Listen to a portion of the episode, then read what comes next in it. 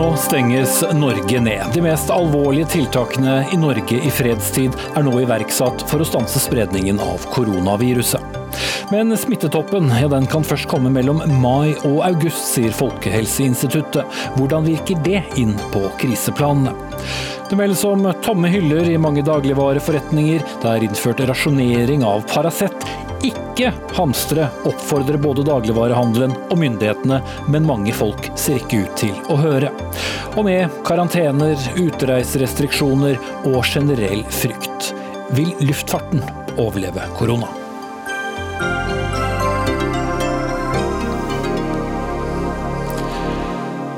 Ja, Da sier vi god kveld og velkommen til Dagsnytt 18 med Espen Aas. Hele denne sendingen i kveld vies eh, til det koronaviruset og den unntakstilstanden som vi nå befinner oss i. For eh, den største eh, kriseplanen eh, for Norge i fredstid er altså iverksatt nå, klokken 18. Store deler av det offentlige og private Norge stenges, herunder skoler og høyere utdanningsinstitusjoner. Store virksomheter stenges mer eller mindre ned. Folk bes jobbe hjemmefra dersom de kan, og alle som ankommer Norge fra land utenfor Norden må nå i hjemmekarantene. Alle arrangementer stenges, og helsepersonell får ikke reise til utlandet. Statsminister Erna Solberg, du presenterte mange av disse tiltakene i ettermiddag. Nå går vi inn i en periode, i en tilstand som vi aldri har vært i før. Bare helt først, hva er meldingen nå til det norske folk fra deg? Meldingen er at vi nå gjør et forsøk på å stoppe viruset. Vi har et håp om at vi skal klare det med kraftfulle tiltak nå. Det var en ny situasjon som oppsto når eh, vi eh, ikke kunne smitte, altså tilbakeføre hvor smitten kom fra. Eh, og veksten i antall ble såpass stor som den ble. Og da var det viktig å begynne å trykke på en større knapp. Og dette, dette håpet om at vi da skal kunne klare å slå tilbake viruset. Og så er det for først, Disse tiltakene er nå lagt for 14 dager, men det har også vært åpent at det kan være at de må vare noe lengre. De tiltakene tiltakene som dreier seg om helsepersonell, dreier seg om ut april måned i første omgang. Mm. Eh, mange har jo fått da denne beskjeden i dag om at barna deres eh, nå ikke skal kunne komme til barnehage eller eh, på skolen. Mange syns det er vanskelig å forholde seg til dette, for det kommer så plutselig. Mm. Hva skal de gjøre? Nei, For det første så bør alle som kan ha hjemmekontor, ha hjemmekontor, forsøke å jobbe hjemmefra. Og vi må finne fleksibilitet i arbeidslivet for å kunne gjøre dette. Så er det noen unntak som vi har vært veldig tydelige på for alle kommuner. Man er nødt til å ha eh, tiltak, skoler og barnehager som er åpne for de som er personell som er kritiske samfunnsfunksjoner. Eh, folk som skal jobbe i helsevesenet for å hjelpe de som nå eh, er blitt syke, men også for å ta prøvetagningen. Det som er infrastruktur som må fungere, beredskapsfunksjonene våre. Så det er er en rekke grupper, og det er en liste på ca. 15 ulike kritiske funksjoner, som alle må ha en mulighet til. Hvis ikke de selv kan finne en annen ordning, så må barna deres kunne være på et barnehage, et skoletilbud, hvis de er under 12 år eller under ungdomsskolealder. Det... Men kan det effektiviseres med en gang? Ja, altså I utgangspunktet hadde man jo planlagt for skoledag i morgen. Så det at man da har et tilbud for de som trenger det, det må man kunne klare å, å organisere rundt omkring i kommunene. Det er mange som nå sliter. Vi holder på å jobbe med hvordan sørger vi for noe matvarer noe på veien i landet med, tre, tre, med trailere andre steder fra. Hvordan gjør vi stoppunktene, bytten av varene. All, det, all, all den typen ting må vi, må vi faktisk organisere. Eh, men vi har aldri prøvd dette før, og det kommer til å være krevende. Og det er klart det kommer til å være krevende for mange små og mellomstore bedrifter som nå opplever at ja, kundene på puben ikke kommer. Eh, du skal ha, Hvis det er et matforested, et eh, serveringssted, så skal du også ha muligheten for én meters omkrets mellom hver, du, hver, av de som sitter, for å ikke få tetthet. Eh, og du skal ikke servere i, i buffé eller annet, så det må, det må omorganiseres. Og det blir krevende. Det, det er ikke enkelt, dette. Men jeg tror vi har mulighet til å klare det. Og så er det viktig at dette gjør vi for det at vi skal ta vare på hverandre i dette samfunnet. Og det å slå tilbake inn dette viruset gjør vi av hensyn til de som har andre sykdommer, og som er i mer sårbare grupper. Eh, vi gjør da dette fra nå klokken 18. Eh, eh, andre land har effektuert lignende tiltak tidligere, og da er jo spørsmålet en del har stilt seg hvorfor vi, gjorde vi ikke dette tidligere? Kunne vi ikke da begrenset smitten enda mer om dette hadde skjedd i går, for to dager siden eller en annen dag. Det er jo da først eh, i går vi fikk disse tilfellene, eller på på tirsdag fikk disse tilfellene som ikke kunne spores tilbake til direkte at man hadde ankommet. Og, eh, og så er det spørsmålet eh, er det også for tidlig å gjøre ting. Det er ganske drastiske eh, tiltak det man gjør nå. Eh, hovedkilden til at vi har fått smitte inn i landet, har vært folk som har vært på vinterferie i, i Nord-Italia og i Østerrike. Eh, det er hovedstore tilfeller det, og noen få som har kommet fra, fra Kina og Iran. Eh, også folk som har møtt disse. Så det har vært sporbart opp til dette. Og så lenge folk hadde følger den typen smitteråd som har vært, om å 14 dager i karantene, eh, gå til legen hvis man har, bli testet hvis man begynner å bli syk, eh, at vi tar de grunnleggende eh, hygieneforholdene, så skulle det være nok til at vi kunne holde det inn til en sånn situasjon. Og så er dette dramatisk og strenge tiltak. Og så er det jo ingen Dette er jo en live laboratorium historie nå i mange land som nå innfører strenge tiltak eh, for å se om vi faktisk klarer å slå tilbake inn et virus i den globaliserte verden vi, vi lever i i disse dager. Og så er det viktig for oss, som jeg har sagt det noen ganger tidligere også, at vi uansett vil kunne få forskjøvet hvor stor veksten blir. Og det vil kunne avhjelpe muligheten for at helsevesenet kan håndtere de som blir alvorlig syke at man er syke over en lang tid. Du var så vidt innpå det selv. Ehm, nå i kveld er det også restriksjonene på, på mange serveringssteder. Dette kommer bare til eh, å fortsette. For mange vil det knapt være inntekter, bare løpende faste utgifter. Går det overhodet an å, å snakke noe om de mer langtrekkende økonomiske konsekvensene vi får av en så dramatisk situasjon som det vi er i gang med nå? For det vil jo, En ting er at det tapes milliarder på, på børsen, og vi har jo krakklignende tilstander flere steder nå bare i dag. Men enda verre er det jo de inntektene som ikke kommer når faste utgifter skal, skal betales. Det aller viktigste å huske er at dette er en situasjon som kommer til å gå over. Det betyr at det kommer en oppgang etterpå. Det vi nå må gjøre, er å forsøke å sikre at vi bygger broen til den oppgangen, til det normallivet vi skal tilbake igjen til, uten at vi mister vekstevnen i norsk økonomi, at vi mister mange små og mellomstore bedrifter. Det er, eh, det er veldig vanskelig å skape bedrifter. Det krever, det krever stor innsats fra de som gjør det, eh, å være gründer og skape det. Og det betyr at vi må verdsette det. og Derfor kommer vi med tiltak i morgen økonomisk på. Og eh, ordne på permitteringsregler, muligheter for å kunne skyve på noen utgifter. Eh, sørge for at vi f.eks. kan eh, få en likviditetssituasjon overfor bankene. Hadde du, hadde du, overskudd i fjor, ja, så vil du vite at det underskuddet du nå pådrar deg, kan du regne mot det overskuddet. Det er en bedre sak å komme til banken med, sånn at du kan få det. Og så sa jo vi allerede på tirsdag at det er første runde av tiltak. Det er strakstiltakene. Og vi kommer med sterke sterkere tiltak også i ukene og månedene som kommer, av type mer rettet mot enkelte bransjer, men også, eh, også tiltak som vi nå ser kan være mulighet. Vi må skyve på noen større regninger overfor staten for å få likviditetssituasjonen til å bære. Fire eller fem av dine statsråder er nå også i karantene som følge av de reglene som dere har eh, innført. Vil regjeringen også kunne klare å være arbeidsdyktig fremover, eller er det også et stort spørsmål? Regjeringen vil klare å være arbeidsdyktig. Vi har allerede forberedt oss på at vi kan drive regjeringen også uten at vi sitter fysisk sammen og gjør det.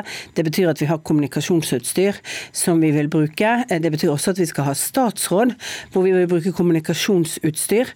Eh, for det at bl.a. de som var med kongen på følge, de eh, vil nå være i karantene noen dager til til de 14 dagene er over. Så vi skal klare å håndtere den typen eh, situasjon. Det har vi forberedt forberedt oss på. Du trenger ikke å være i karantene?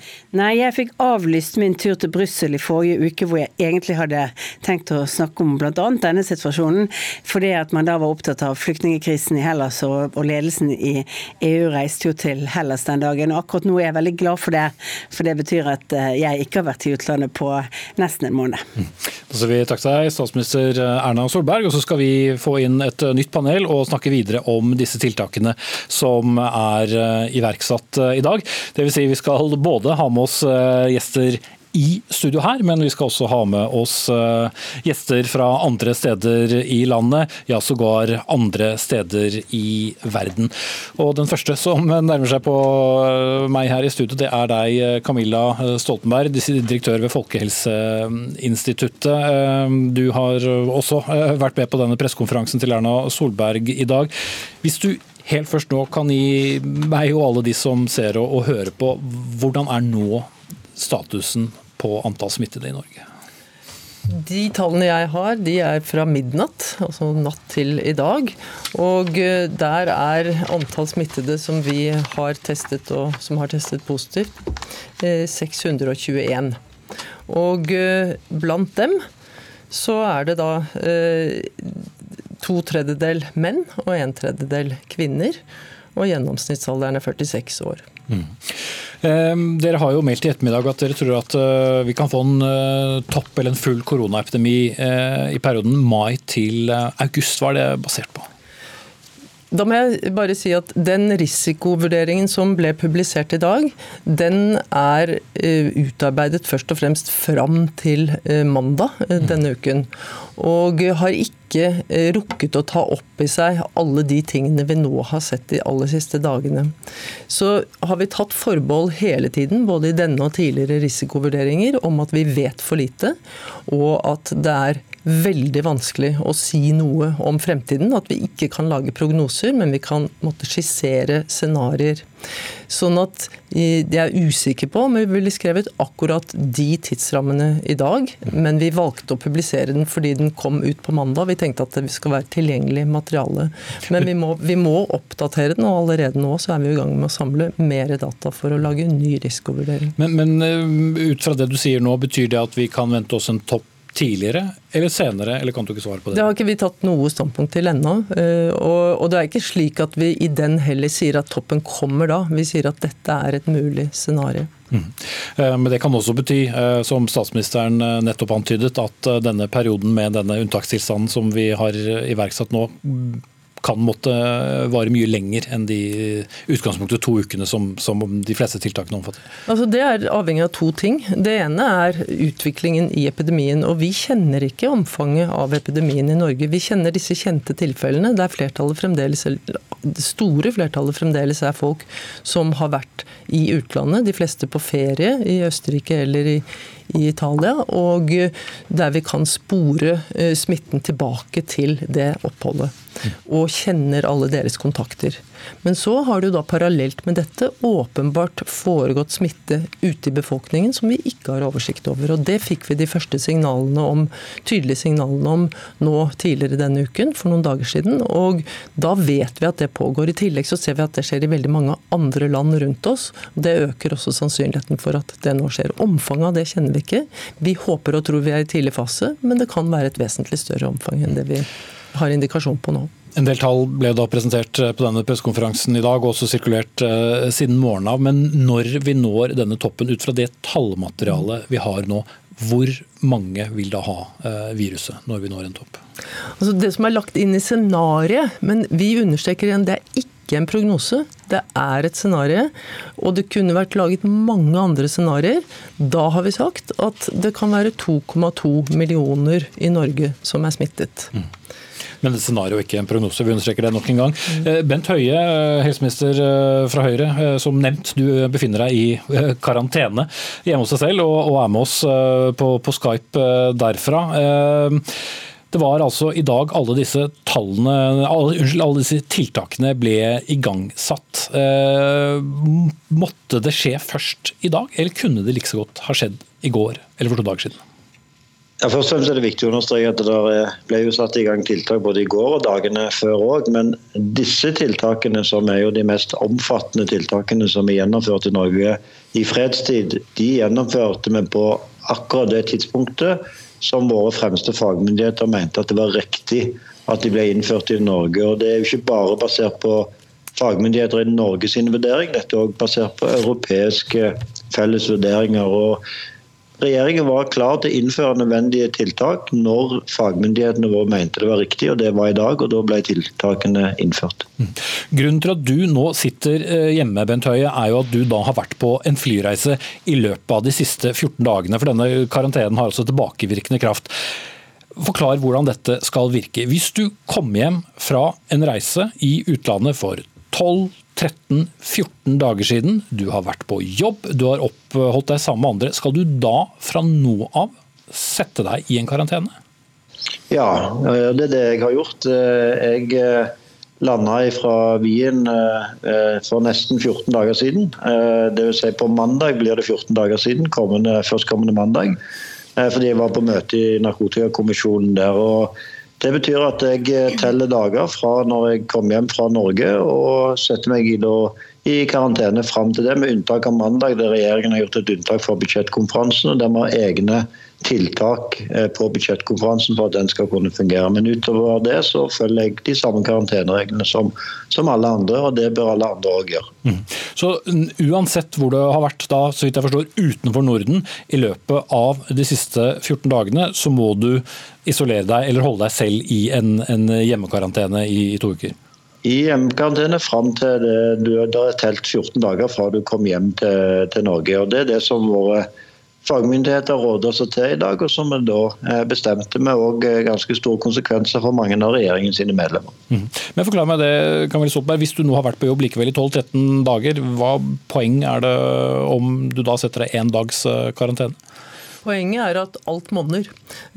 Og det vi forsøker å gjøre nå, er jo noe som ikke tar utgangspunkt i det scenarioet som var beskrevet og den tidsrammen som vi hadde beskrevet, men som forsøker faktisk å stanse smitten og begrense omfanget. Eh, både å utsette epidemien, men også eventuelt gjøre den mindre i totalt omfang. Aller helst veldig liten. Og, og da betyr det at absolutt alt monner. Eh, og Det betyr også at eh, vi har satt denne rammen, eller ikke vi, det er jo satt internasjonalt, på 14 dager hvor man kan forvente at man fortsatt kan uh, få uh, sykdom etter å ha blitt smittet. Uh, og Derfor så går man i karantene, karantene, også de siste dagene innenfor den 14-dagersperioden. Mm. Ja, bare for å understreke en annen ting, da, Bent Høie. De som så deg på pressekonferansen i dag og hører nå at du er i karantene. Du er bare i karantene fordi det er det som er reglene. Det er ikke det samme som at du har koronavirus. Nei, absolutt ikke. Og det er heller ikke sånn at jeg nå ikke fungerer som eh, helseminister. Eh, tvert imot. Eh, jeg leder nå dette arbeidet hjemmefra gjennom de gode tekniske hjelpemidlene som vi har for det i, i regjeringen. Og Det er fullt mulig i min jobb. og Det er det jo også sånn er det i de veldig mange jobber så har en muligheten til å jobbe hjemmefra. Så er det jo andre som har jobber der en må være på jobb, ikke minst de som jobber i helsetjenesten. Og Det er jo en av grunnene til at vi også gjør disse eh, veldig kraftfulle tiltakene. Det er jo nettopp for at eh, de skal nå inn i en tøff tid med en veldig hard belastning. Og Hver enkelt av oss kan ved å følge de kravene som nå er stilt, bidra til at den belastningen ikke blir for stor, sånn at vi òg gjennom denne tiden kan gi folk som trenger forsvarlig helsehjelp, god helsehjelp. Og så er det noen av de som eh, har planlagt operasjoner og andre ting, som òg må akseptere at de blir utsatt en stund i tid når det er medisinsk eh, forsvarlig. Mm. Uh, hagler med spørsmål inn fra de som ser og hører på nå. Bent Høie, et spørsmål som går igjen. Hva nå til de som må være hjemme med mindre barn fra og med i, i morgen? Hva har de krav på? Kan de få omsorgspenger? Kan de bruke uh, sykemeldingsdager for barn? Hvordan skal de navigere i den situasjonen som nå er oppstått? Ja, Regjeringen kommer jo med en rekke tiltak eh, på mange områder i morgen. Jeg ser min gode kollega Torbjørn Isaksen er ute med svar på disse spørsmålene nå. Mitt hovedoppgave er å koordinere arbeidet og jobbe med det som har med helse å gjøre. Så jeg eh, håper for forståelse for at eh, en får nå lese i media hva Torbjørn har sagt om akkurat det med omsorgslønn. Jeg kan ikke detaljene i det. og Dette er jo en noe som nå eh, har betydning på alle samfunnssektorer. og Det betyr at det er mange svar som er gitt allerede, men òg en del svar må vi få forståelse for at kommer underveis. Det er en av konsekvensene av å innføre et så omfattende tiltak hurtig, det er også at det vil være noen spørsmål som vi må få lov til å gi svar på underveis. Mm. Ja, eh, Vi setter strek for akkurat det der. Det vil være rom for å få eh, noe omsorgslønn, har Torbjørn Isaksen eh, sagt. Raymond Johansen, du er en av veldig mange folkevalgte lokale ledere som nå må administrere en situasjon med veldig mye stengt. Du har ansvaret for nærmere 700 000 mennesker på et relativt begrenset boområde. Er det overhodet mulig å tenke seg at du kan eh, stanse ytterligere eh, spredning av et eh, virus i Oslo? Vi kan i hvert fall bidra til å begrense smitten, noe som også er de nasjonale myndigheters overordnede målsetting nå. Vi vet Klokken tolv i dag så var det 184 smitta i Oslo. Det alt tyder på, er at vi ikke veit hvor mange som faktisk er smittet. Og vi vet samtidig at viruset sprer seg fort. Derfor er det viktig for oss å gjøre det vi kan for å uh, ha bevegelsesbegrensninger. Derfor besluttet vi tidligere i dag å stenge alle ungdomsskoler, videregående skoler i morgen. Barnehager og barneskoler på mandag. Og vi oppfordrer samtidig alle til å holde barna hjemme fra barnehagen og barneskolen i morgen. Samtidig er vi veldig opptatt av å sikre at de som jobber i og har samfunnskritiske funksjoner, skal få nødvendig barnepass. Dette er også en solidaritetshandling. Dette er alvorlig. Det er ikke for de av oss som er friske så er ikke nødvendigvis dette et farlig virus. Men for veldig mange med andre typer sykdommer, eh, som har luftveisutfordringer og andre, så er dette farlig. Mm. Derfor er dette også en veldig sånn Dette må være en dugnadsinnsatt fra det norske folk, og jeg er allerede veldig imponert over det som har skjedd i Oslo. Jeg må bare stoppe deg litt, tiden går fort. For eh, en ting som også mange lurer på når det gjelder eh, hovedstaden her, det er fergeanløp fra flere europeiske land. Eh, det er Norges største togstasjon med tog fra utlandet. Og selvsagt hoveddelen av passasjerene som lander på hovedflyplassen Gardermoen, reiser også inn til Oslo. Ja. Vi har nå i løpet av kvelden Oslo havn løpende dialog med rederiene som kommer hit, ikke minst på bakgrunn av de nye reglene og komme med Kiel-ferga om hvordan vi håndhever dette. Samtidig så er det viktig å ha eh, begrensninger eh, i forhold til de som nå kommer inn i landet. Jeg har tidligere i dag sagt at jeg er bekymret for håndteringen på Gardermoen. Det kommer flyanløp, ankomster fra mange deler av verden hver eneste dag. Veldig mange av de tar flytog eller andre ting, kommer inn i Oslo. Vi vet ikke om eh, de har smitte eller ikke. Og Det er en bekymring. Vi lytter veldig til Folkehelseinstituttet og er opptatt av at så mange som mulig kanskje kan testes. Men eh, vi følger jo de, og må jo følge de rådene vi får der. Men jeg reiser det som en bekymring. Vi har 53 000 ansatte i Oslo kommune, veldig mange helse- og omsorgsyrkene. Mm. Og det at vi selv ikke bidrar eh, til smitte og eh, kan ha våre begrensninger i forhold til bevegelsen, er nødvendig i denne krisen vi nå er i. Mm. Eh, Bent Høie, kan du svare kort på det som Robin Hansen stiller spørsmål ved, bl.a. med da, ankomster fra, fra, det store utland? Ja, jeg oppfatter at uh, Ullensaker kommune, som har ansvar for uh, sikkerheten på Gardermoen, har gjort en veldig god jobb med dette. Og så er jo dette et uh, Eh, relativt raskt forbigående problem. fordi Vi har jo nå innført så strenge reiserestriksjoner at uh, i realiteten så er det jo bare nordmenn som nå prøver raskest mulig å komme seg hjem, som vil uh, komme til, til, Norge. og De vil jo da måtte følge akkurat de samme karantenereglene som vi nå har innført. og Det betyr at kommer de fra utenfor Norden, så skal de jo hjem i hjemmekarantene umiddelbart. De flyene som kommer fra områder som det er høy utsmitta, de vil jo bli møtt på den måten som vi har sett uh, i media det siste, etter vi innførte de nye restriksjonene på, på, på, reiser. Hvorfor er det tryggere om du kommer fra København eller uh, Stockholm? Er det ikke korona der? Ja, det er jo en uh, vurdering som våre fagmyndigheter har gjort, at disse klare begrensningene skal gjelde reiser utenfor Norden. Mm. Lill Sverresdatter Larsen, du er da leder for Sykepleierforbundet, som også er en, en, fagforening. Men du har jo da medlemmer som er sykepleiere. Vet de nå hva de skal gjøre og ikke gjøre dersom de har vært på ferie, dersom de har vært i utlandet, og hva de skal gjøre fremover? Sykepleiere er jo vant til å håndtere, om ikke akkurat denne type situasjon, så i alle fall skiftende situasjoner som endrer seg. Og det å følge, følge helsemyndigheten sine, sine, råd.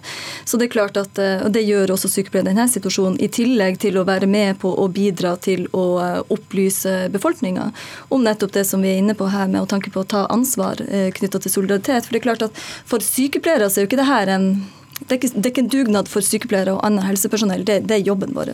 Det er det vi er trent til, og det er det vi har jobba med. I, Men kjenner de forutsetningene som de nå skal forholde seg til? Enten de har vært på vinterferie eller skal inn i siden tiende turnusuke? Norsk Sykepleierforbund får en del spørsmål på det, og vi besvarer det ut ifra det. Men, men, men, min oppfatning er at sykepleiere er fornøyd med at de tiltakene at skal det være Erna Solberg sa, noen ting om å trykke på den røde eller på den større knappen. Vi er fornøyd med situasjonen sånn som den er nå, at, vi, at myndigheten, helsemyndigheten myndigheten ta grep. Vi skal nå direkte til eh, Shanghai, for der er du med oss, eh, Heidi Berg. Du bor og, og jobber som selvstendig næringsdrivende i dag. På, I et Facebook-innlegg for et par dager siden og et innlegg i Aftenposten i dag så sier du viruset kan stoppes, og du har også vært overrasket over prognosene du har sett fra eh, ditt hjemland Norge. Hvorfor det? Hei. Ja, jeg bor jo i Shanghai, og, og her var man jo selvfølgelig veldig nært episenter for utbruddet. Eh, men, men det, det, som jeg opplever her, er jo at man, man faktisk klarte å stoppe eh, spredningen i byen Shanghai og, og de fleste byer og, og, provinser i Kina eh, mens man egentlig var i den der første fasen. Her i Shanghai bor det da 25 millioner innbyggere. Og totalt på det meste så var det oppe i 300, eller totalt har det vært 340 som har vært smitta. Og nå er det ned, tallet nede i 20. Så det har ikke vært noen nye smittetilfeller. Ingen lokalspredning i Shanghai de siste to ukene. Eh, de nye tilfellene har også her vært nå folk som kommer flyvende inn. Mm. Og, da, og da, er det jo faktisk, da har man jo faktisk klart å stoppe også i den, den fase 1. Og eh, bare for å poengtere det, Shanghai eh, har 25 millioner innbyggere. Ja, stemmer. Og er da ca. to timers flytur fra, fra Wuhan. Så her, så her, hadde man jo ingen tid å forberede seg når, når det ble klart av omfanget av, eh, av denne smitten i Hubei-provinsen og byen Wuhan, så var det jo selvfølgelig allerede smitta i, i, Shanghai. Eh, med, med, så mye nærhet og så mye handel og osv. Uh, ja, jeg vet ikke, Camilla Stoltenberg, Det er jo mest forskjeller enn en likheter for så vidt mellom uh, Norges største by og, og, Shanghai. Men likevel, er det ting vi kunne tatt til oss om hvordan det ble håndtert der på kort tid? Jeg er helt sikker på at det kommer til å være mye diskusjon nå framover, og ikke minst senere, om hva som er de rette tiltakene, og ikke minst hva som er de rette tidspunktene å sette inn tiltakene på. Vi har jo jobbet på den måten at vi har kartlagt, vi har testet i veldig stor grad i Norge, og eh, dermed fanget opp eh, mange som har kommet fra Østerrike, Italia og også noen andre steder, og fulgt opp dem tett for å stanse spredning fra de personene. Og så uh, har vi også vært forberedt på å sette inn denne type tiltak, men vi har ikke vært forberedt på at omfanget av de som kom tilreisende utenfra skulle være så stort, og at utviklingen i Italia skulle være slik den har vært, og, i Europa for øvrig. Så det har skjedd store endringer på to uker, litt over to uker, som som har gjort at vi nå er i en annen situasjon. Og så er det også disse erfaringene fra Eh, ja, fra Shanghai og fra Kina, som gjør at Verdens helseorganisasjon, som eh, i alle år har vært skeptisk til å ta i bruk denne type tiltak, nå sier at det bør man gjøre. Mm. Så Det europeiske smittevernbyrået gikk ut jo natt til i, går, til i, dag med anbefalinger av denne typen, og nå ser vi at mange europeiske land gjør det akkurat nå. Mm. Du blir sittende, Camilla Stoltenberg, så skal vi bytte ut resten av panelet. Takk til Lille Sverresdatter Larsen, som er leder av Sykepleierforbundet, Ramin Hansen, byrådsleder i Oslo kommune, og også Bent Høie, som også er i karantene og med oss eh, på, på linje, og Heidi Berg, selvstendig næringsdrivende, med oss eh, fra Shanghai. For nå skal eh, vi snakke om de strenge tiltakene og hvordan vi skal forsøke å manøvrere oss når skolen er stengt, barnehagen er stengt og du aller, aller helst skal holde deg innendørs. Anders Romarheim, du er forsker ved Forsvarets høgskole, har holdt masse kurs i nasjonal beredskap og krisehåndtering. Allerede før meldingen kom om at skoler og barnehager eh, skulle stenges, så valgte du å holde dine barn hjemme. Hvorfor det? Nei, Det er eh, hva skal vi si, en selvstendig vurdering. Man så det kanskje komme. Eh, og jeg vil understreke at i den situasjonen vi er nå, så er det myndighetene som har ansvar for å gjøre mye. Men innbyggerne må også ta veloverveide, begrunnede valg. Og ikke være redde for å heller ta og, og feile på sikkerhetssiden. Altså holde seg mer hjemme enn det som er anbefalt. Så jeg tenkte at siden jeg uansett, eh, min arbeidsgiver hadde gitt meg adgang til å være hjemme uansett, oppfordra til det. Så hvorfor skulle jeg da sende mine to barn inn der, når det var helt opplagt at det var nært forestående med en nedstenging? Mm. Men allerede her så blir det kanskje en viss usikkerhet. For skal vi høre på eh, Camilla Stoltenberg eh, og de andre offentlige etatene, eller skal vi kjenne på det selv? Det er vel eh, litt, litt, to forskjellige ting, dette? Ja, Det er jeg ikke helt sikker på om jeg er enig i. Eh, å foreta seg ting som er i strid med de medisinske rådene, vil jeg på ingen måte anbefale. Eh, og kriseledelse. altså ledelse i seg selv er viktig i en krisesituasjon. om du kunne tenkt deg at noe skjedde en dag før eller senere. Jeg kunne godt tenkt meg det, men det viktige er at noen tar grep grep og tar kommandoen over situasjonen. Eh, når jeg gjerne kunne sett at dette ble gjort litt før, så er det ut fra en forståelse om at kriseledelse handler om å bygge opp masse ressurser, tiltak, eh, som er klare til å sette inn fram til du har kontroll på situasjonen. Og så tror jeg vi alle skal være ærlige på at det blir evalueringene, som Bent Høie har sagt, i etterkant, som kommer til å avgjøre om informasjonstilfanget som myndighetene og beslutningstakerne satt på, tilsa at man burde stengt skolene tidligere. Eh, for det, det vil man alltid kunne vurdere vurdere eh, for og imot. Og man må ikke glemme Det det er ikke en ren helsepersonellsak, det er et forvaltningstiltak. Det er et regjeringsbesluttet eh, vedtak som jo stenger skolene og barnehagene i Norge fra i dag. Mm. Eh, Bjarne Håkon Hansen, du er partner i rådgivningsfirmaet Kruse Larsen, men vi husker deg jo som helseminister for Arbeiderpartiet. I VG i dag så tar du til orde rett og slett for å krisemaksimere. Er det der vi er nå? Ja, jeg tror at det har vært veldig veldig rett det som har skjedd i dag. Altså, jeg tror at eh, det har vært litt sånn uklart eh, ute i befolkninga om hvor alvorlig denne situasjonen var. Eh, nå tror jeg folk flest, alle i Norge, forstår at nå er det alvor. Vi er nødt til å virkelig ta del i denne dugnaden. Det rammer oss alle sammen på en eller annen måte. Og jeg tror at det er et, en helt rett plass å være nå. Altså, du kan si at nå syns jeg at eh, vi har et tydelig lederskap eh, rundt denne svært kritiske situasjonen. Og jeg er helt sikker på at det vil virke positivt inn på konsekvensene av dette viruset. Mm. Du var jo da helseminister under svineinfluensaen, som vel de aller fleste husker. Og i etterkant av den så ble du mm. beskyldt for å ha tatt for hardt i. Men det er du ikke enig i? Altså du kan si at Det er jo hele tida et eh, dilemma i krisekommunikasjon. Eh, skal du på en måte eh, forberede befolkningen på at dette kan bli ille, med den faren at du ettertid sier at blir beskyldt for å overdreve? Eller skal du på en måte tørre å si at nå er det riktig å forberede folk på at det kan bli alvorlig, og heller ta blamen skal jeg si, på at du har eh, blitt beskyldt for å ha overdrevet. Eh, jeg tror at det kan godt være at vi i ettertid også vil si at å se tilbake på denne dagen og si at her, her tok vi for mye i Det var dramatisk det vi gjorde, det fikk store konsekvenser, det ble jo ikke så ille. Men jeg tror likevel at det er helt riktig at nå, nå er tiden inne for å ta, eh, ta litt for mye Møllerstrand, fordi at konsekvensen av å ikke risikere å ha tatt for mye i, er at man virkelig kan skape en svært kaotisk situasjon ute i, i helsetjenesten, først og fremst, og en veldig alvorlig eh, helsemessig situasjon for de som eh, blir hardest ramma av det her. Mm. Ja, Camilla Soppenberg ved Folkehelseinstituttet, det er jo fortsatt mulig å gjøre opptrappinger. Vi har jo sett Italia som har stengt ned alle virksomheter, alle butikker, med unntak av apotek og matvarebutikker. Kan det være neste steg?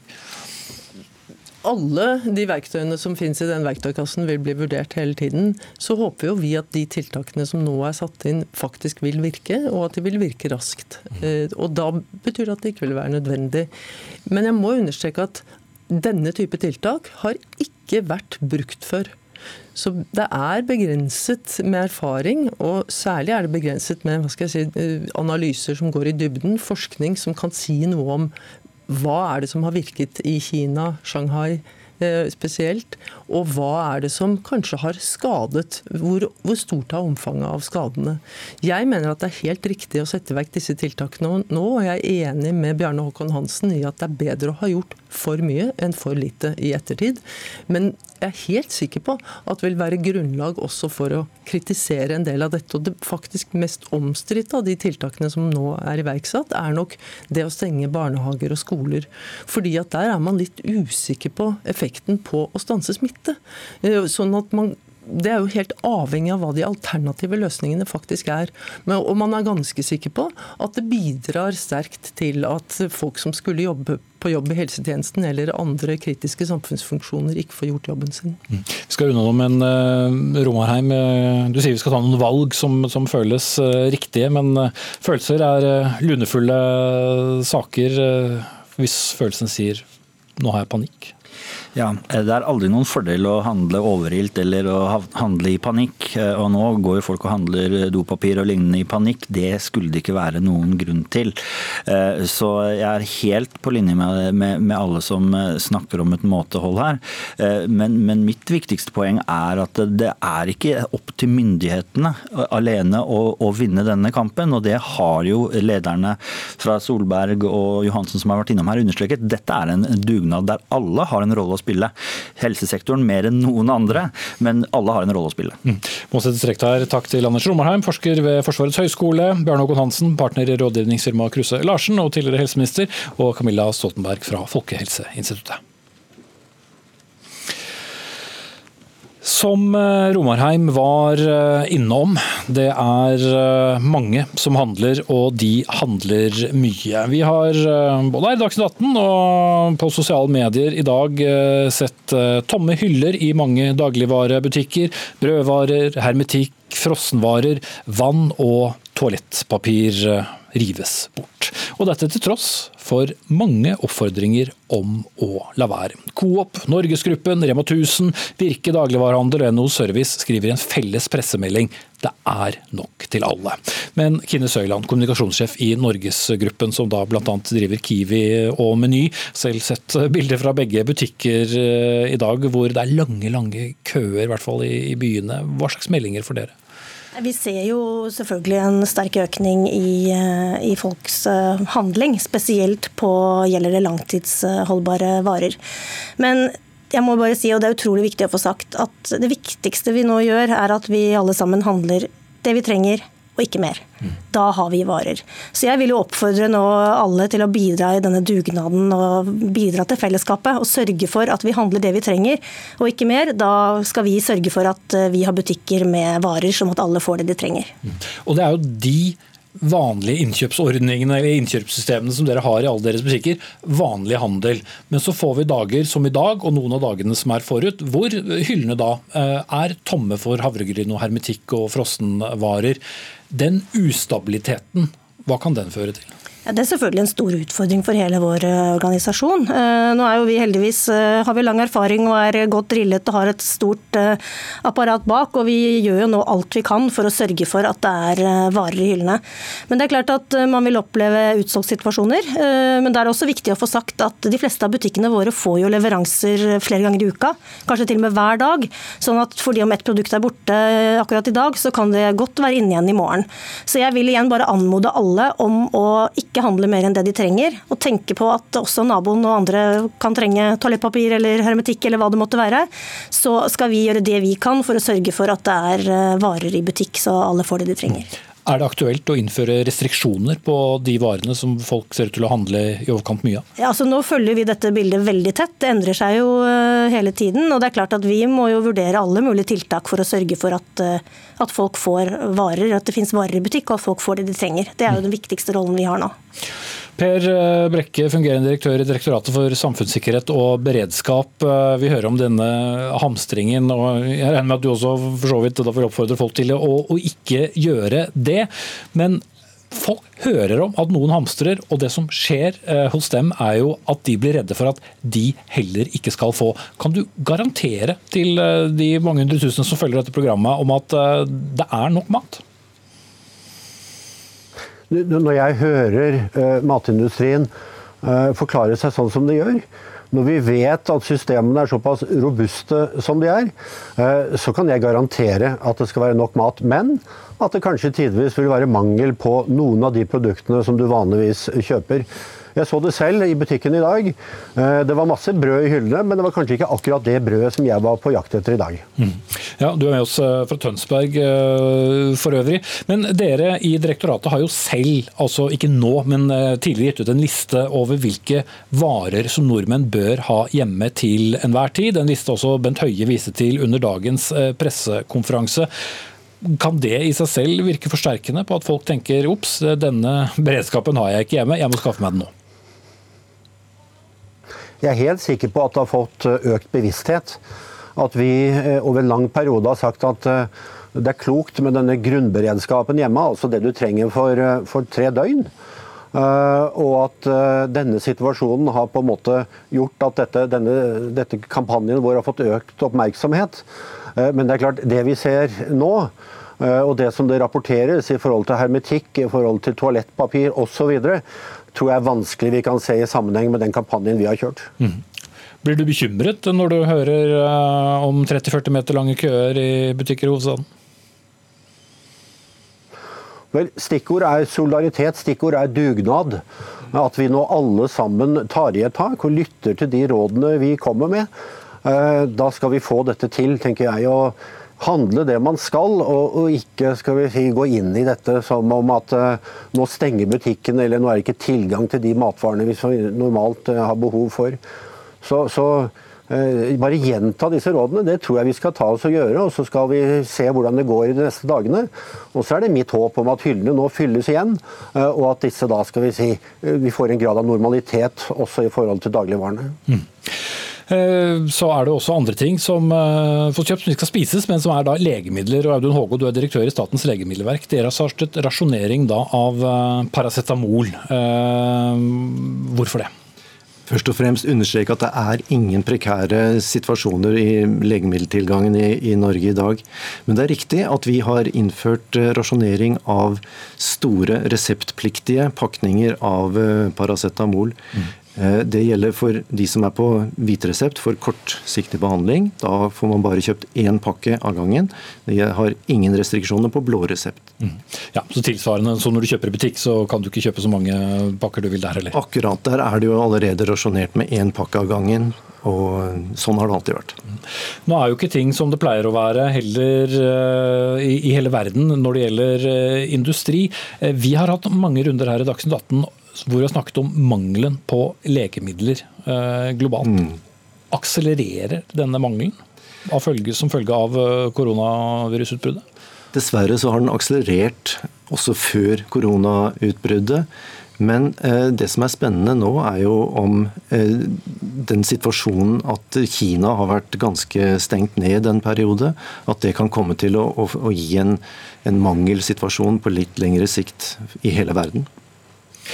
Grete Dyb, du er barnepsykiater og forskningsleder ved Norsk kunnskapssenter for vold og traumatisk eh, stress. Hva er viktig å gjøre nå for å beholde roen når vi hører om, om hamstring både av legemidler og, og, av matvarer, og at eh, vel, fremtiden ser noe uviss ut? Ja, altså Det er jo først og fremst det at vi ikke må la oss styre av impulsene våre. Eh, og at Eh, impulsene ikke får overstyre fornuft og, og forstand. Og, og, den erfaring vi tross alt har for å leve i et trygt land som sørger for oss. Eh, vi må jo ha tillit til at eh, vi ikke kommer til å sulte i Norge, og at vi får det vi trenger. Men det er jo ikke det samme som at man hele tida har fulgt opp med antibac og andre ting. Men at vi har det vi trenger for å greie oss gjennom denne krisen. Det har det vært sagt flere ganger nå at det er det mange som prøver å, å være tydelige på. Men det at vi blir styrt av impulser, det handler jo om at vi blir redd, vi blir, vi blir litt forvirra av informasjon hvis det ikke er helt entydig. Og da sier vi til å ville beskytte oss. og hel, aller helst meg og mine eh, sørge for at vi liksom har det, det best mulig. Mm. Men Hvordan skal vi motvirke dette, da, Dyb? For nå sitter det folk og hører den ene personen etter den andre si i dette programmet ikke hamstre, men den følelsen de får er motsatt. Hvordan skal de motvirke den? Ja, og da, da, handler det jo om at vi må snakke med hverandre om hvordan skal vi egentlig greie å få kontroll på denne redselen som, som, har en tendens til å spre seg i sånne krisesituasjoner. Og Da er det på en måte å trekke pusten og tenke på ok, hvordan har jeg det egentlig her. Er jeg ganske trygg? Eh, si det til hverandre. Prøve å oppfordre hverandre til å ta vare på de gode, fornuftige eh, ressursene vi har. Og vi bor i et trygt samfunn som har veldig mange forhåndsregler for at vi skal greie oss så godt som, som vi overhodet kan gjennom en sånn krise. Mm. Kort til slutt, Grete. Du beklager at jeg avbryter deg, men vi kommer slutten her nå. Eh, nå skal jo veldig mange være hjemme med små barn i eh, en unntakstilstand som ingen har vært i, i tidligere. Hva er ditt beste råd til eh, foreldre hvordan de skal snakke med oppføre seg overfor de barna som nå må være hjemme i, i flere uker? Kanskje? Det man tenker på er at Barn har begrensa forståelse av denne situasjonen som foregår. Og de, Det de vil gjøre, det er at de vil se på voksne. Hvordan oppfører voksne seg? Hva er det de sier til hverandre? Og hvordan, hvor redd ser de voksne ut? Eh, hvis vi er bevisste på det og tenker på at den femåringen som står foran deg, har en veldig begrensa eh, ressurs i forhold til å tenke hvordan situasjonen er i, og vil bruke det som du sier og det som du gjør, som grunnlag for å vurdere situasjonen. Eh, det er veldig veldig viktig, for vi voksne har en tendens til å lage litt sånn skandale og litt sånn kriseprega snakk når vi snakker med hverandre. Men de, barna de står og hører på dette. Mm. Så det å tenke nøye gjennom det, det tror jeg er veldig viktig for både barna og, og, og de yngre og, og tenåringer sånn, som kanskje ikke har vært oppe i sånne situasjoner før. Mm. Ingen av oss har vært oppe i denne situasjonen før, men vi har tross alt mer livserfaring. Mm. Takk skal du ha, barnepsykiater Grete Dyb. Også takk til Audun Hågård, direktør i Statens legemiddelverk, Per Brekke, fungerende direktør i Direktoratet for samfunnssikkerhet og beredskap, og til deg, Kine Høiland, kommunikasjonssjef i Norgesgruppen. Helt på slutten skal jeg også bare ta med når det gjelder det med hamstring, fordi det var en Twitter-bruker som skrev til meg rett før sending. Hennes familie har ikke engang råd til å begynne å hamstre inn noe mat. Hun er da redd for at det ikke er nok mat når hun har penger. Tenk også på det. Hør Dagsnytt 18 når du vil. Radio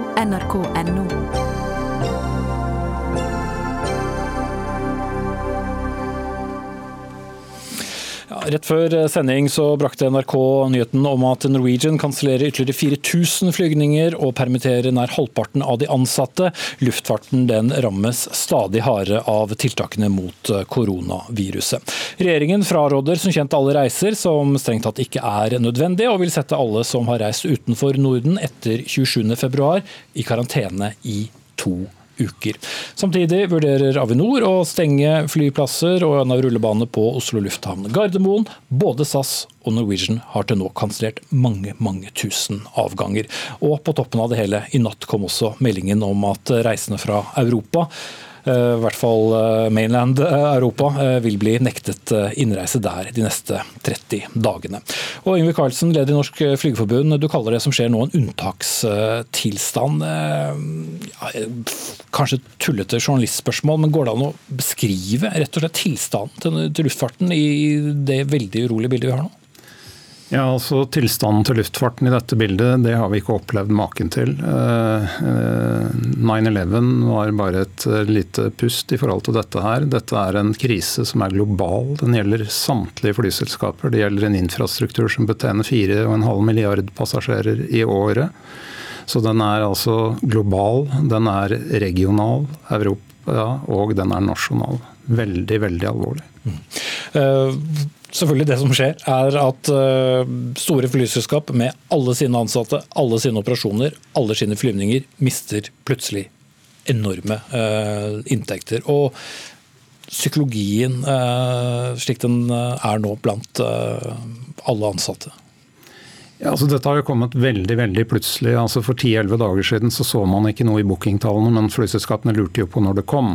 ikke sant? Og så har det kommet veldig veldig raskt. Det er jo klart at Dramatikken ved at bare de nasjonale flyselskapene omsetter vel for i størrelsesorden 90-100 milliarder kroner i året, og når inntektene forsvinner på et sånt nivå, så blir det veldig veldig dramatisk. Vi har jo sett Norwegian har permittert halve arbeidsstyrken. Vi kan jo forvente store permitteringer også de andre flyselskapene som kommer veldig raskt.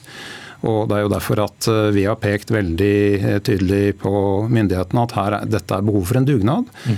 Ja, alle, alle, snakker om dugnad, men hvis vi skal være helt konkrete. Eh, vi har Knut Arild Hareide, samferdselsministeren, ved din side. Men hva, hva er din bønn til, til han og regjeringen? Hva konkret kan du gjøre som i hvert fall kan sette et foreløpig plaster på, på såret? Helt konkret så må man faktisk sikre det, altså kontantstrømmen som forsvinner. Man må komme med avgiftslettelser som monner, gis tilbakevirkende kraft. fordi at selskapene kommer til å trenge kontanter for i hele tatt overleve. Og så må man se på hvilke mer langsiktige tiltak som trengs. Eh, vi har hatt et møte med samferdselsministeren i dag. Et veldig godt møte. Vi er enige om problembeskrivelsen og de utfordringene som er der. Og Jeg er veldig glad for å se det, og vil berømme samferdselsministeren for at eh, de sier at de kommer til å komme med gode tiltak og treffsikre tiltak med, som en første del av en pakke. Da, for at mm. dette er en næring som kommer til å måtte være her når vi er på andre siden av denne krisen. Ja, Knut Hereide, altså Tiltakene skal jo for så vidt komme i morgen, men kan du allerede nå antyde noe av dere som eh, er på trappene? Det jeg kan si at Vi nå i en første fase kommer med tiltak eh, i morgen. og det er jo som Iversen her sier, vi, Dette er jo en bransje vi trenger. Eh, og for framtida så vet vi at det som nå kommer til å skje, kommer til å, å ha vært veldig dramatisk. Og det har òg egentlig utvikla seg dag for dag.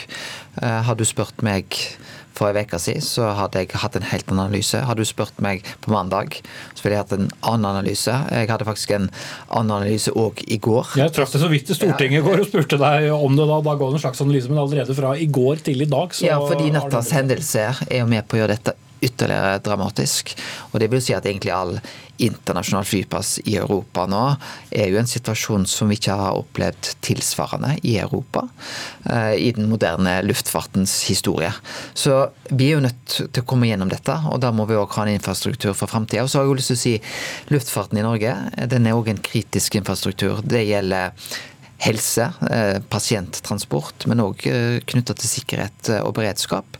Så at dette er en sektor vi trenger. Og Derfor er det viktig for oss å komme hurtig med tiltak. Mm. Ja, Anders Magnus, med oss direkte fra Washington. Det var jo der at USA bestemte seg for å nekte å reise og ta imot reisende fra Europa, med unntak av, Storbritannia og, Irland. Hva håper Donald Trump å oppnå med dette sjokktiltaket som plutselig kom? Først og fremst å vise at han har gjort noe stort. Han har gjort noe, en, en, a big eh, decision. Det tror jeg er det aller viktigste her. For eh, det er jo mange allerede nå som spør hvorfor bare de 26 EU-land, eller Schengen-landene eh, Hvorfor f.eks. ikke Storbritannia, Irland? Hvorfor ikke de tidligere landene Jugoslavia, Albania, Romania og Bulgaria? Eh, og eh, når man ikke tar med hele Europa, betyr det da ikke da at det kommer, kan komme folk via disse destinasjonene inn til USA som kan være like farlige som eh, de andre landene? Mm. Er dette da noe som har dempet kritikken mot Donald Trump og det mange har ment har vært hans manglende tiltak mot viruset? Overhodet ikke, fordi eh, de fleste helseeksperter sier at eh, dette tiltaket vil overhodet ikke ha noen betydelig virkning. Det er altfor seint. Smitten har kommet inn til USA, og den er i ferd med å bre seg ganske raskt. Hvor raskt, det vet man ikke ennå, for det er eh, ikke nok testsett ute hos legepersonell. Det er veldig få som er testet. Det er snakk om at det i løpet av denne uken skal bli én million testsett, og i neste uke kanskje fire til. Fire millioner til. Men husk på at det er 325 millioner, eller 330 millioner mennesker i dette landet. Mm. Takk skal du ha, Anders Magnus. Dag Falk Pettersen, du er administrerende direktør i, i Avinor, som da driver flyplasser og har ansvaret for flytrafikken eh, her i landet. Dere har allerede antydet at eh, det vil bli redusert kapasitet. Kanskje må noen flyplasser stenges ned. Eh, hvor langt har dere kommet i prosessen? Kan du gi oss et slags bilde av hva vi skal inn i? Altså, aller først må Jeg få si at jeg har heller ikke i min karriere på mange mange tiår i sett og tilsvarende. Det er altså så uh, ekstremt det som skjer, og det berører oss alle sammen. Uh, for Avinor sin del så, uh, så er det, vi vil også tape store store beløp på lik linje med, med flyselskapene. Men for oss så er det å sikre at vi kan ha drift over tid. For dette tar tid. Og vi, var, vi, har veldig god pandemiberedskap. Vi håndterer dette veldig godt, og vi har stor kapasitet som langt fra er utnytta. Men vi er nødt til å stenge ned våre lufthavner. Eh, vi begynner med de minste, sånn at vi har reservekapasitet. At vi kan ha tilgjengelig eh, flyplasser for fremtida. Mm. Det betyr at innenlandstrafikken i Norge nå blir tatt ned? Vi, eh, altså det har jo skjedd allerede. Den er jo kraftig redusert. Jo, men ytterligere ut fra det som er... Og Det vil bli redusert ytterligere. Og det vi gjør, er også å ta ned sånn som det ser ut i dag, ni lufthavner nå ganske snart. Og så kommer det ytterligere flere eh, tiltak utover neste uke. Går det an å si det viktigste av disse ni? Dessverre. Eh, vi er nødt til å håndtere dette på en sånn måte at vi får varsla de som er berørt, og at vi får snakka med ordførerne i disse kommunene. Eh, men vi vil sikre transport til nærliggende flyplasser, sånn at man kan opprettholde en rimelig normal samfunnsfunksjon. Og så er det, som statsråden sa, at vi, vi har en samfunnskritisk oppgave når det gjelder å holde Norge i drift. Det er vårt primære mål, og det skal vi levere på. Mm. Fordi Du har fulgt luftfarten gjennom nå, Vi har vært gjennom en, en, del kriser. En del flyselskap har gått bort. Cecilie Langum Becker, økonomikommentator her i, i uh, NRK, og spør om hvor alvorlig det er. er på en måte å spørre hvor lang er en stav. Men altså, hvis vi skal se på, på realitetene. Én uh, ting er kursfall, men vi ser altså uh, inntektene bare stopper opp. Vil f.eks. et selskap som Norwegian kunne overleve? Det er jo det som er det store spørsmålet. og Det er jo ikke noe tvil om at Norwegian nå de er i en dyp dyp eh, krise. De jobber nå på spreng eh, for å på måte, holde tritt med situasjonen. Inntektene har som du sier, stoppet helt opp. Når man ikke selger billetter, får man heller ikke inntekter inn i eh, selskapet. Og Da kan man gå tom for penger. og Det er en situasjon Norwegian nå står oppe i. og Derfor har de jo bedt om nødhjelp fra norske myndigheter og samferdselsminister Knut Arild Hareide. Og Da er det jo spennende å se hva han kommer opp med. Vi hører Karlsen her nevner ulike stans eller tilbakebetaling av, eh, av, avgifter. Det kan jo også hende at eh, samferdselsministeren i morgen kommer med en eller annen form for lån, eller at man skyter inn penger i selskapet. Så er det også noen som nevner kan staten ta over deler, hele eller deler av Norwegian. Eh, det kommer han nok ikke til å si noen ting om nå, men det er disse ulike, ulike tingene som kanskje kan komme opp i morgen. Mm. Men da er det heller ikke fritt frem. Altså EUs overvåkningsorgan ESA er jo også ganske streng når det gjelder eh, å, å gi da statsstøtte inn i en næring som jo i utgangspunktet er eh, privat. Ja, hvis, hvis næringsministeren, nei, samferdselsministeren bestemmer seg for å gi et lån til Norwegian, så vil det da være på det man kaller ikke-markedsmessige betingelser. Eh, hvis det var på markedsmessige betingelser, så kunne Norwegian bare godt gjort det i markedet. Eh, markedsmessige betingelser for Norwegian nå er helt ekstremt høye renter som de ikke ville hatt råd til. Og da mm, er man jo da i strid med EØS-regelverket, og da må ESA gi en eller annen form for unntak. Og det mm, Jeg snakket med, ESA senest i går, som sa at vi kommer til å se stort på det. Eh, hvis man er i en så dyp krise som en pandemi som eh, tvinger selskap ut i konkurs, så, mm, så er det ganske greit å gi et unntak fra den regelen som, eh, som sier at statsstøtte ikke er OK. Så, så, her regner jeg med at samferdselsministeren er allerede i kontakt med ESA dersom han vurderer disse direkte økonomiske tiltakene. Mm. Jeg har lyst til å stille deg mange spørsmål, men du kan svare veldig kort på om du kan i hvert fall gi oss en bitte liten pekepinn inn i morgendagen. Ja, det jeg kan si er at jeg har hatt møte med Flygelederforbundet i dag. Parat, NHO Luftfart, SAS, Norwegian, Widerøe. Men alle har i realiteten en utfordring nå. Og det vil si at eh, De tiltakene vi har sett på denne omgang, de skal treffe alle. Og de skal være rettferdige for alle. Det er naturlig. Vi må sette strek der. En time inn i det som er en helt ny form for unntakstilstand i, i Norge. Kongepær er, er, i karantene, flere av statsrådene i regjering er i karantene. Vi skal inn i en tid der vi må unngå hverandre, men samtidig holde sammen. Hold dere oppdatert på nyheter fra NRK og fra uh, myndighetene. Ansvarlig for sendingen var Anne Katrine Førli. Det tekniske ansvaret hadde Stein Nybakk. Jeg heter Espen Aas, vi er tilbake igjen i morgen.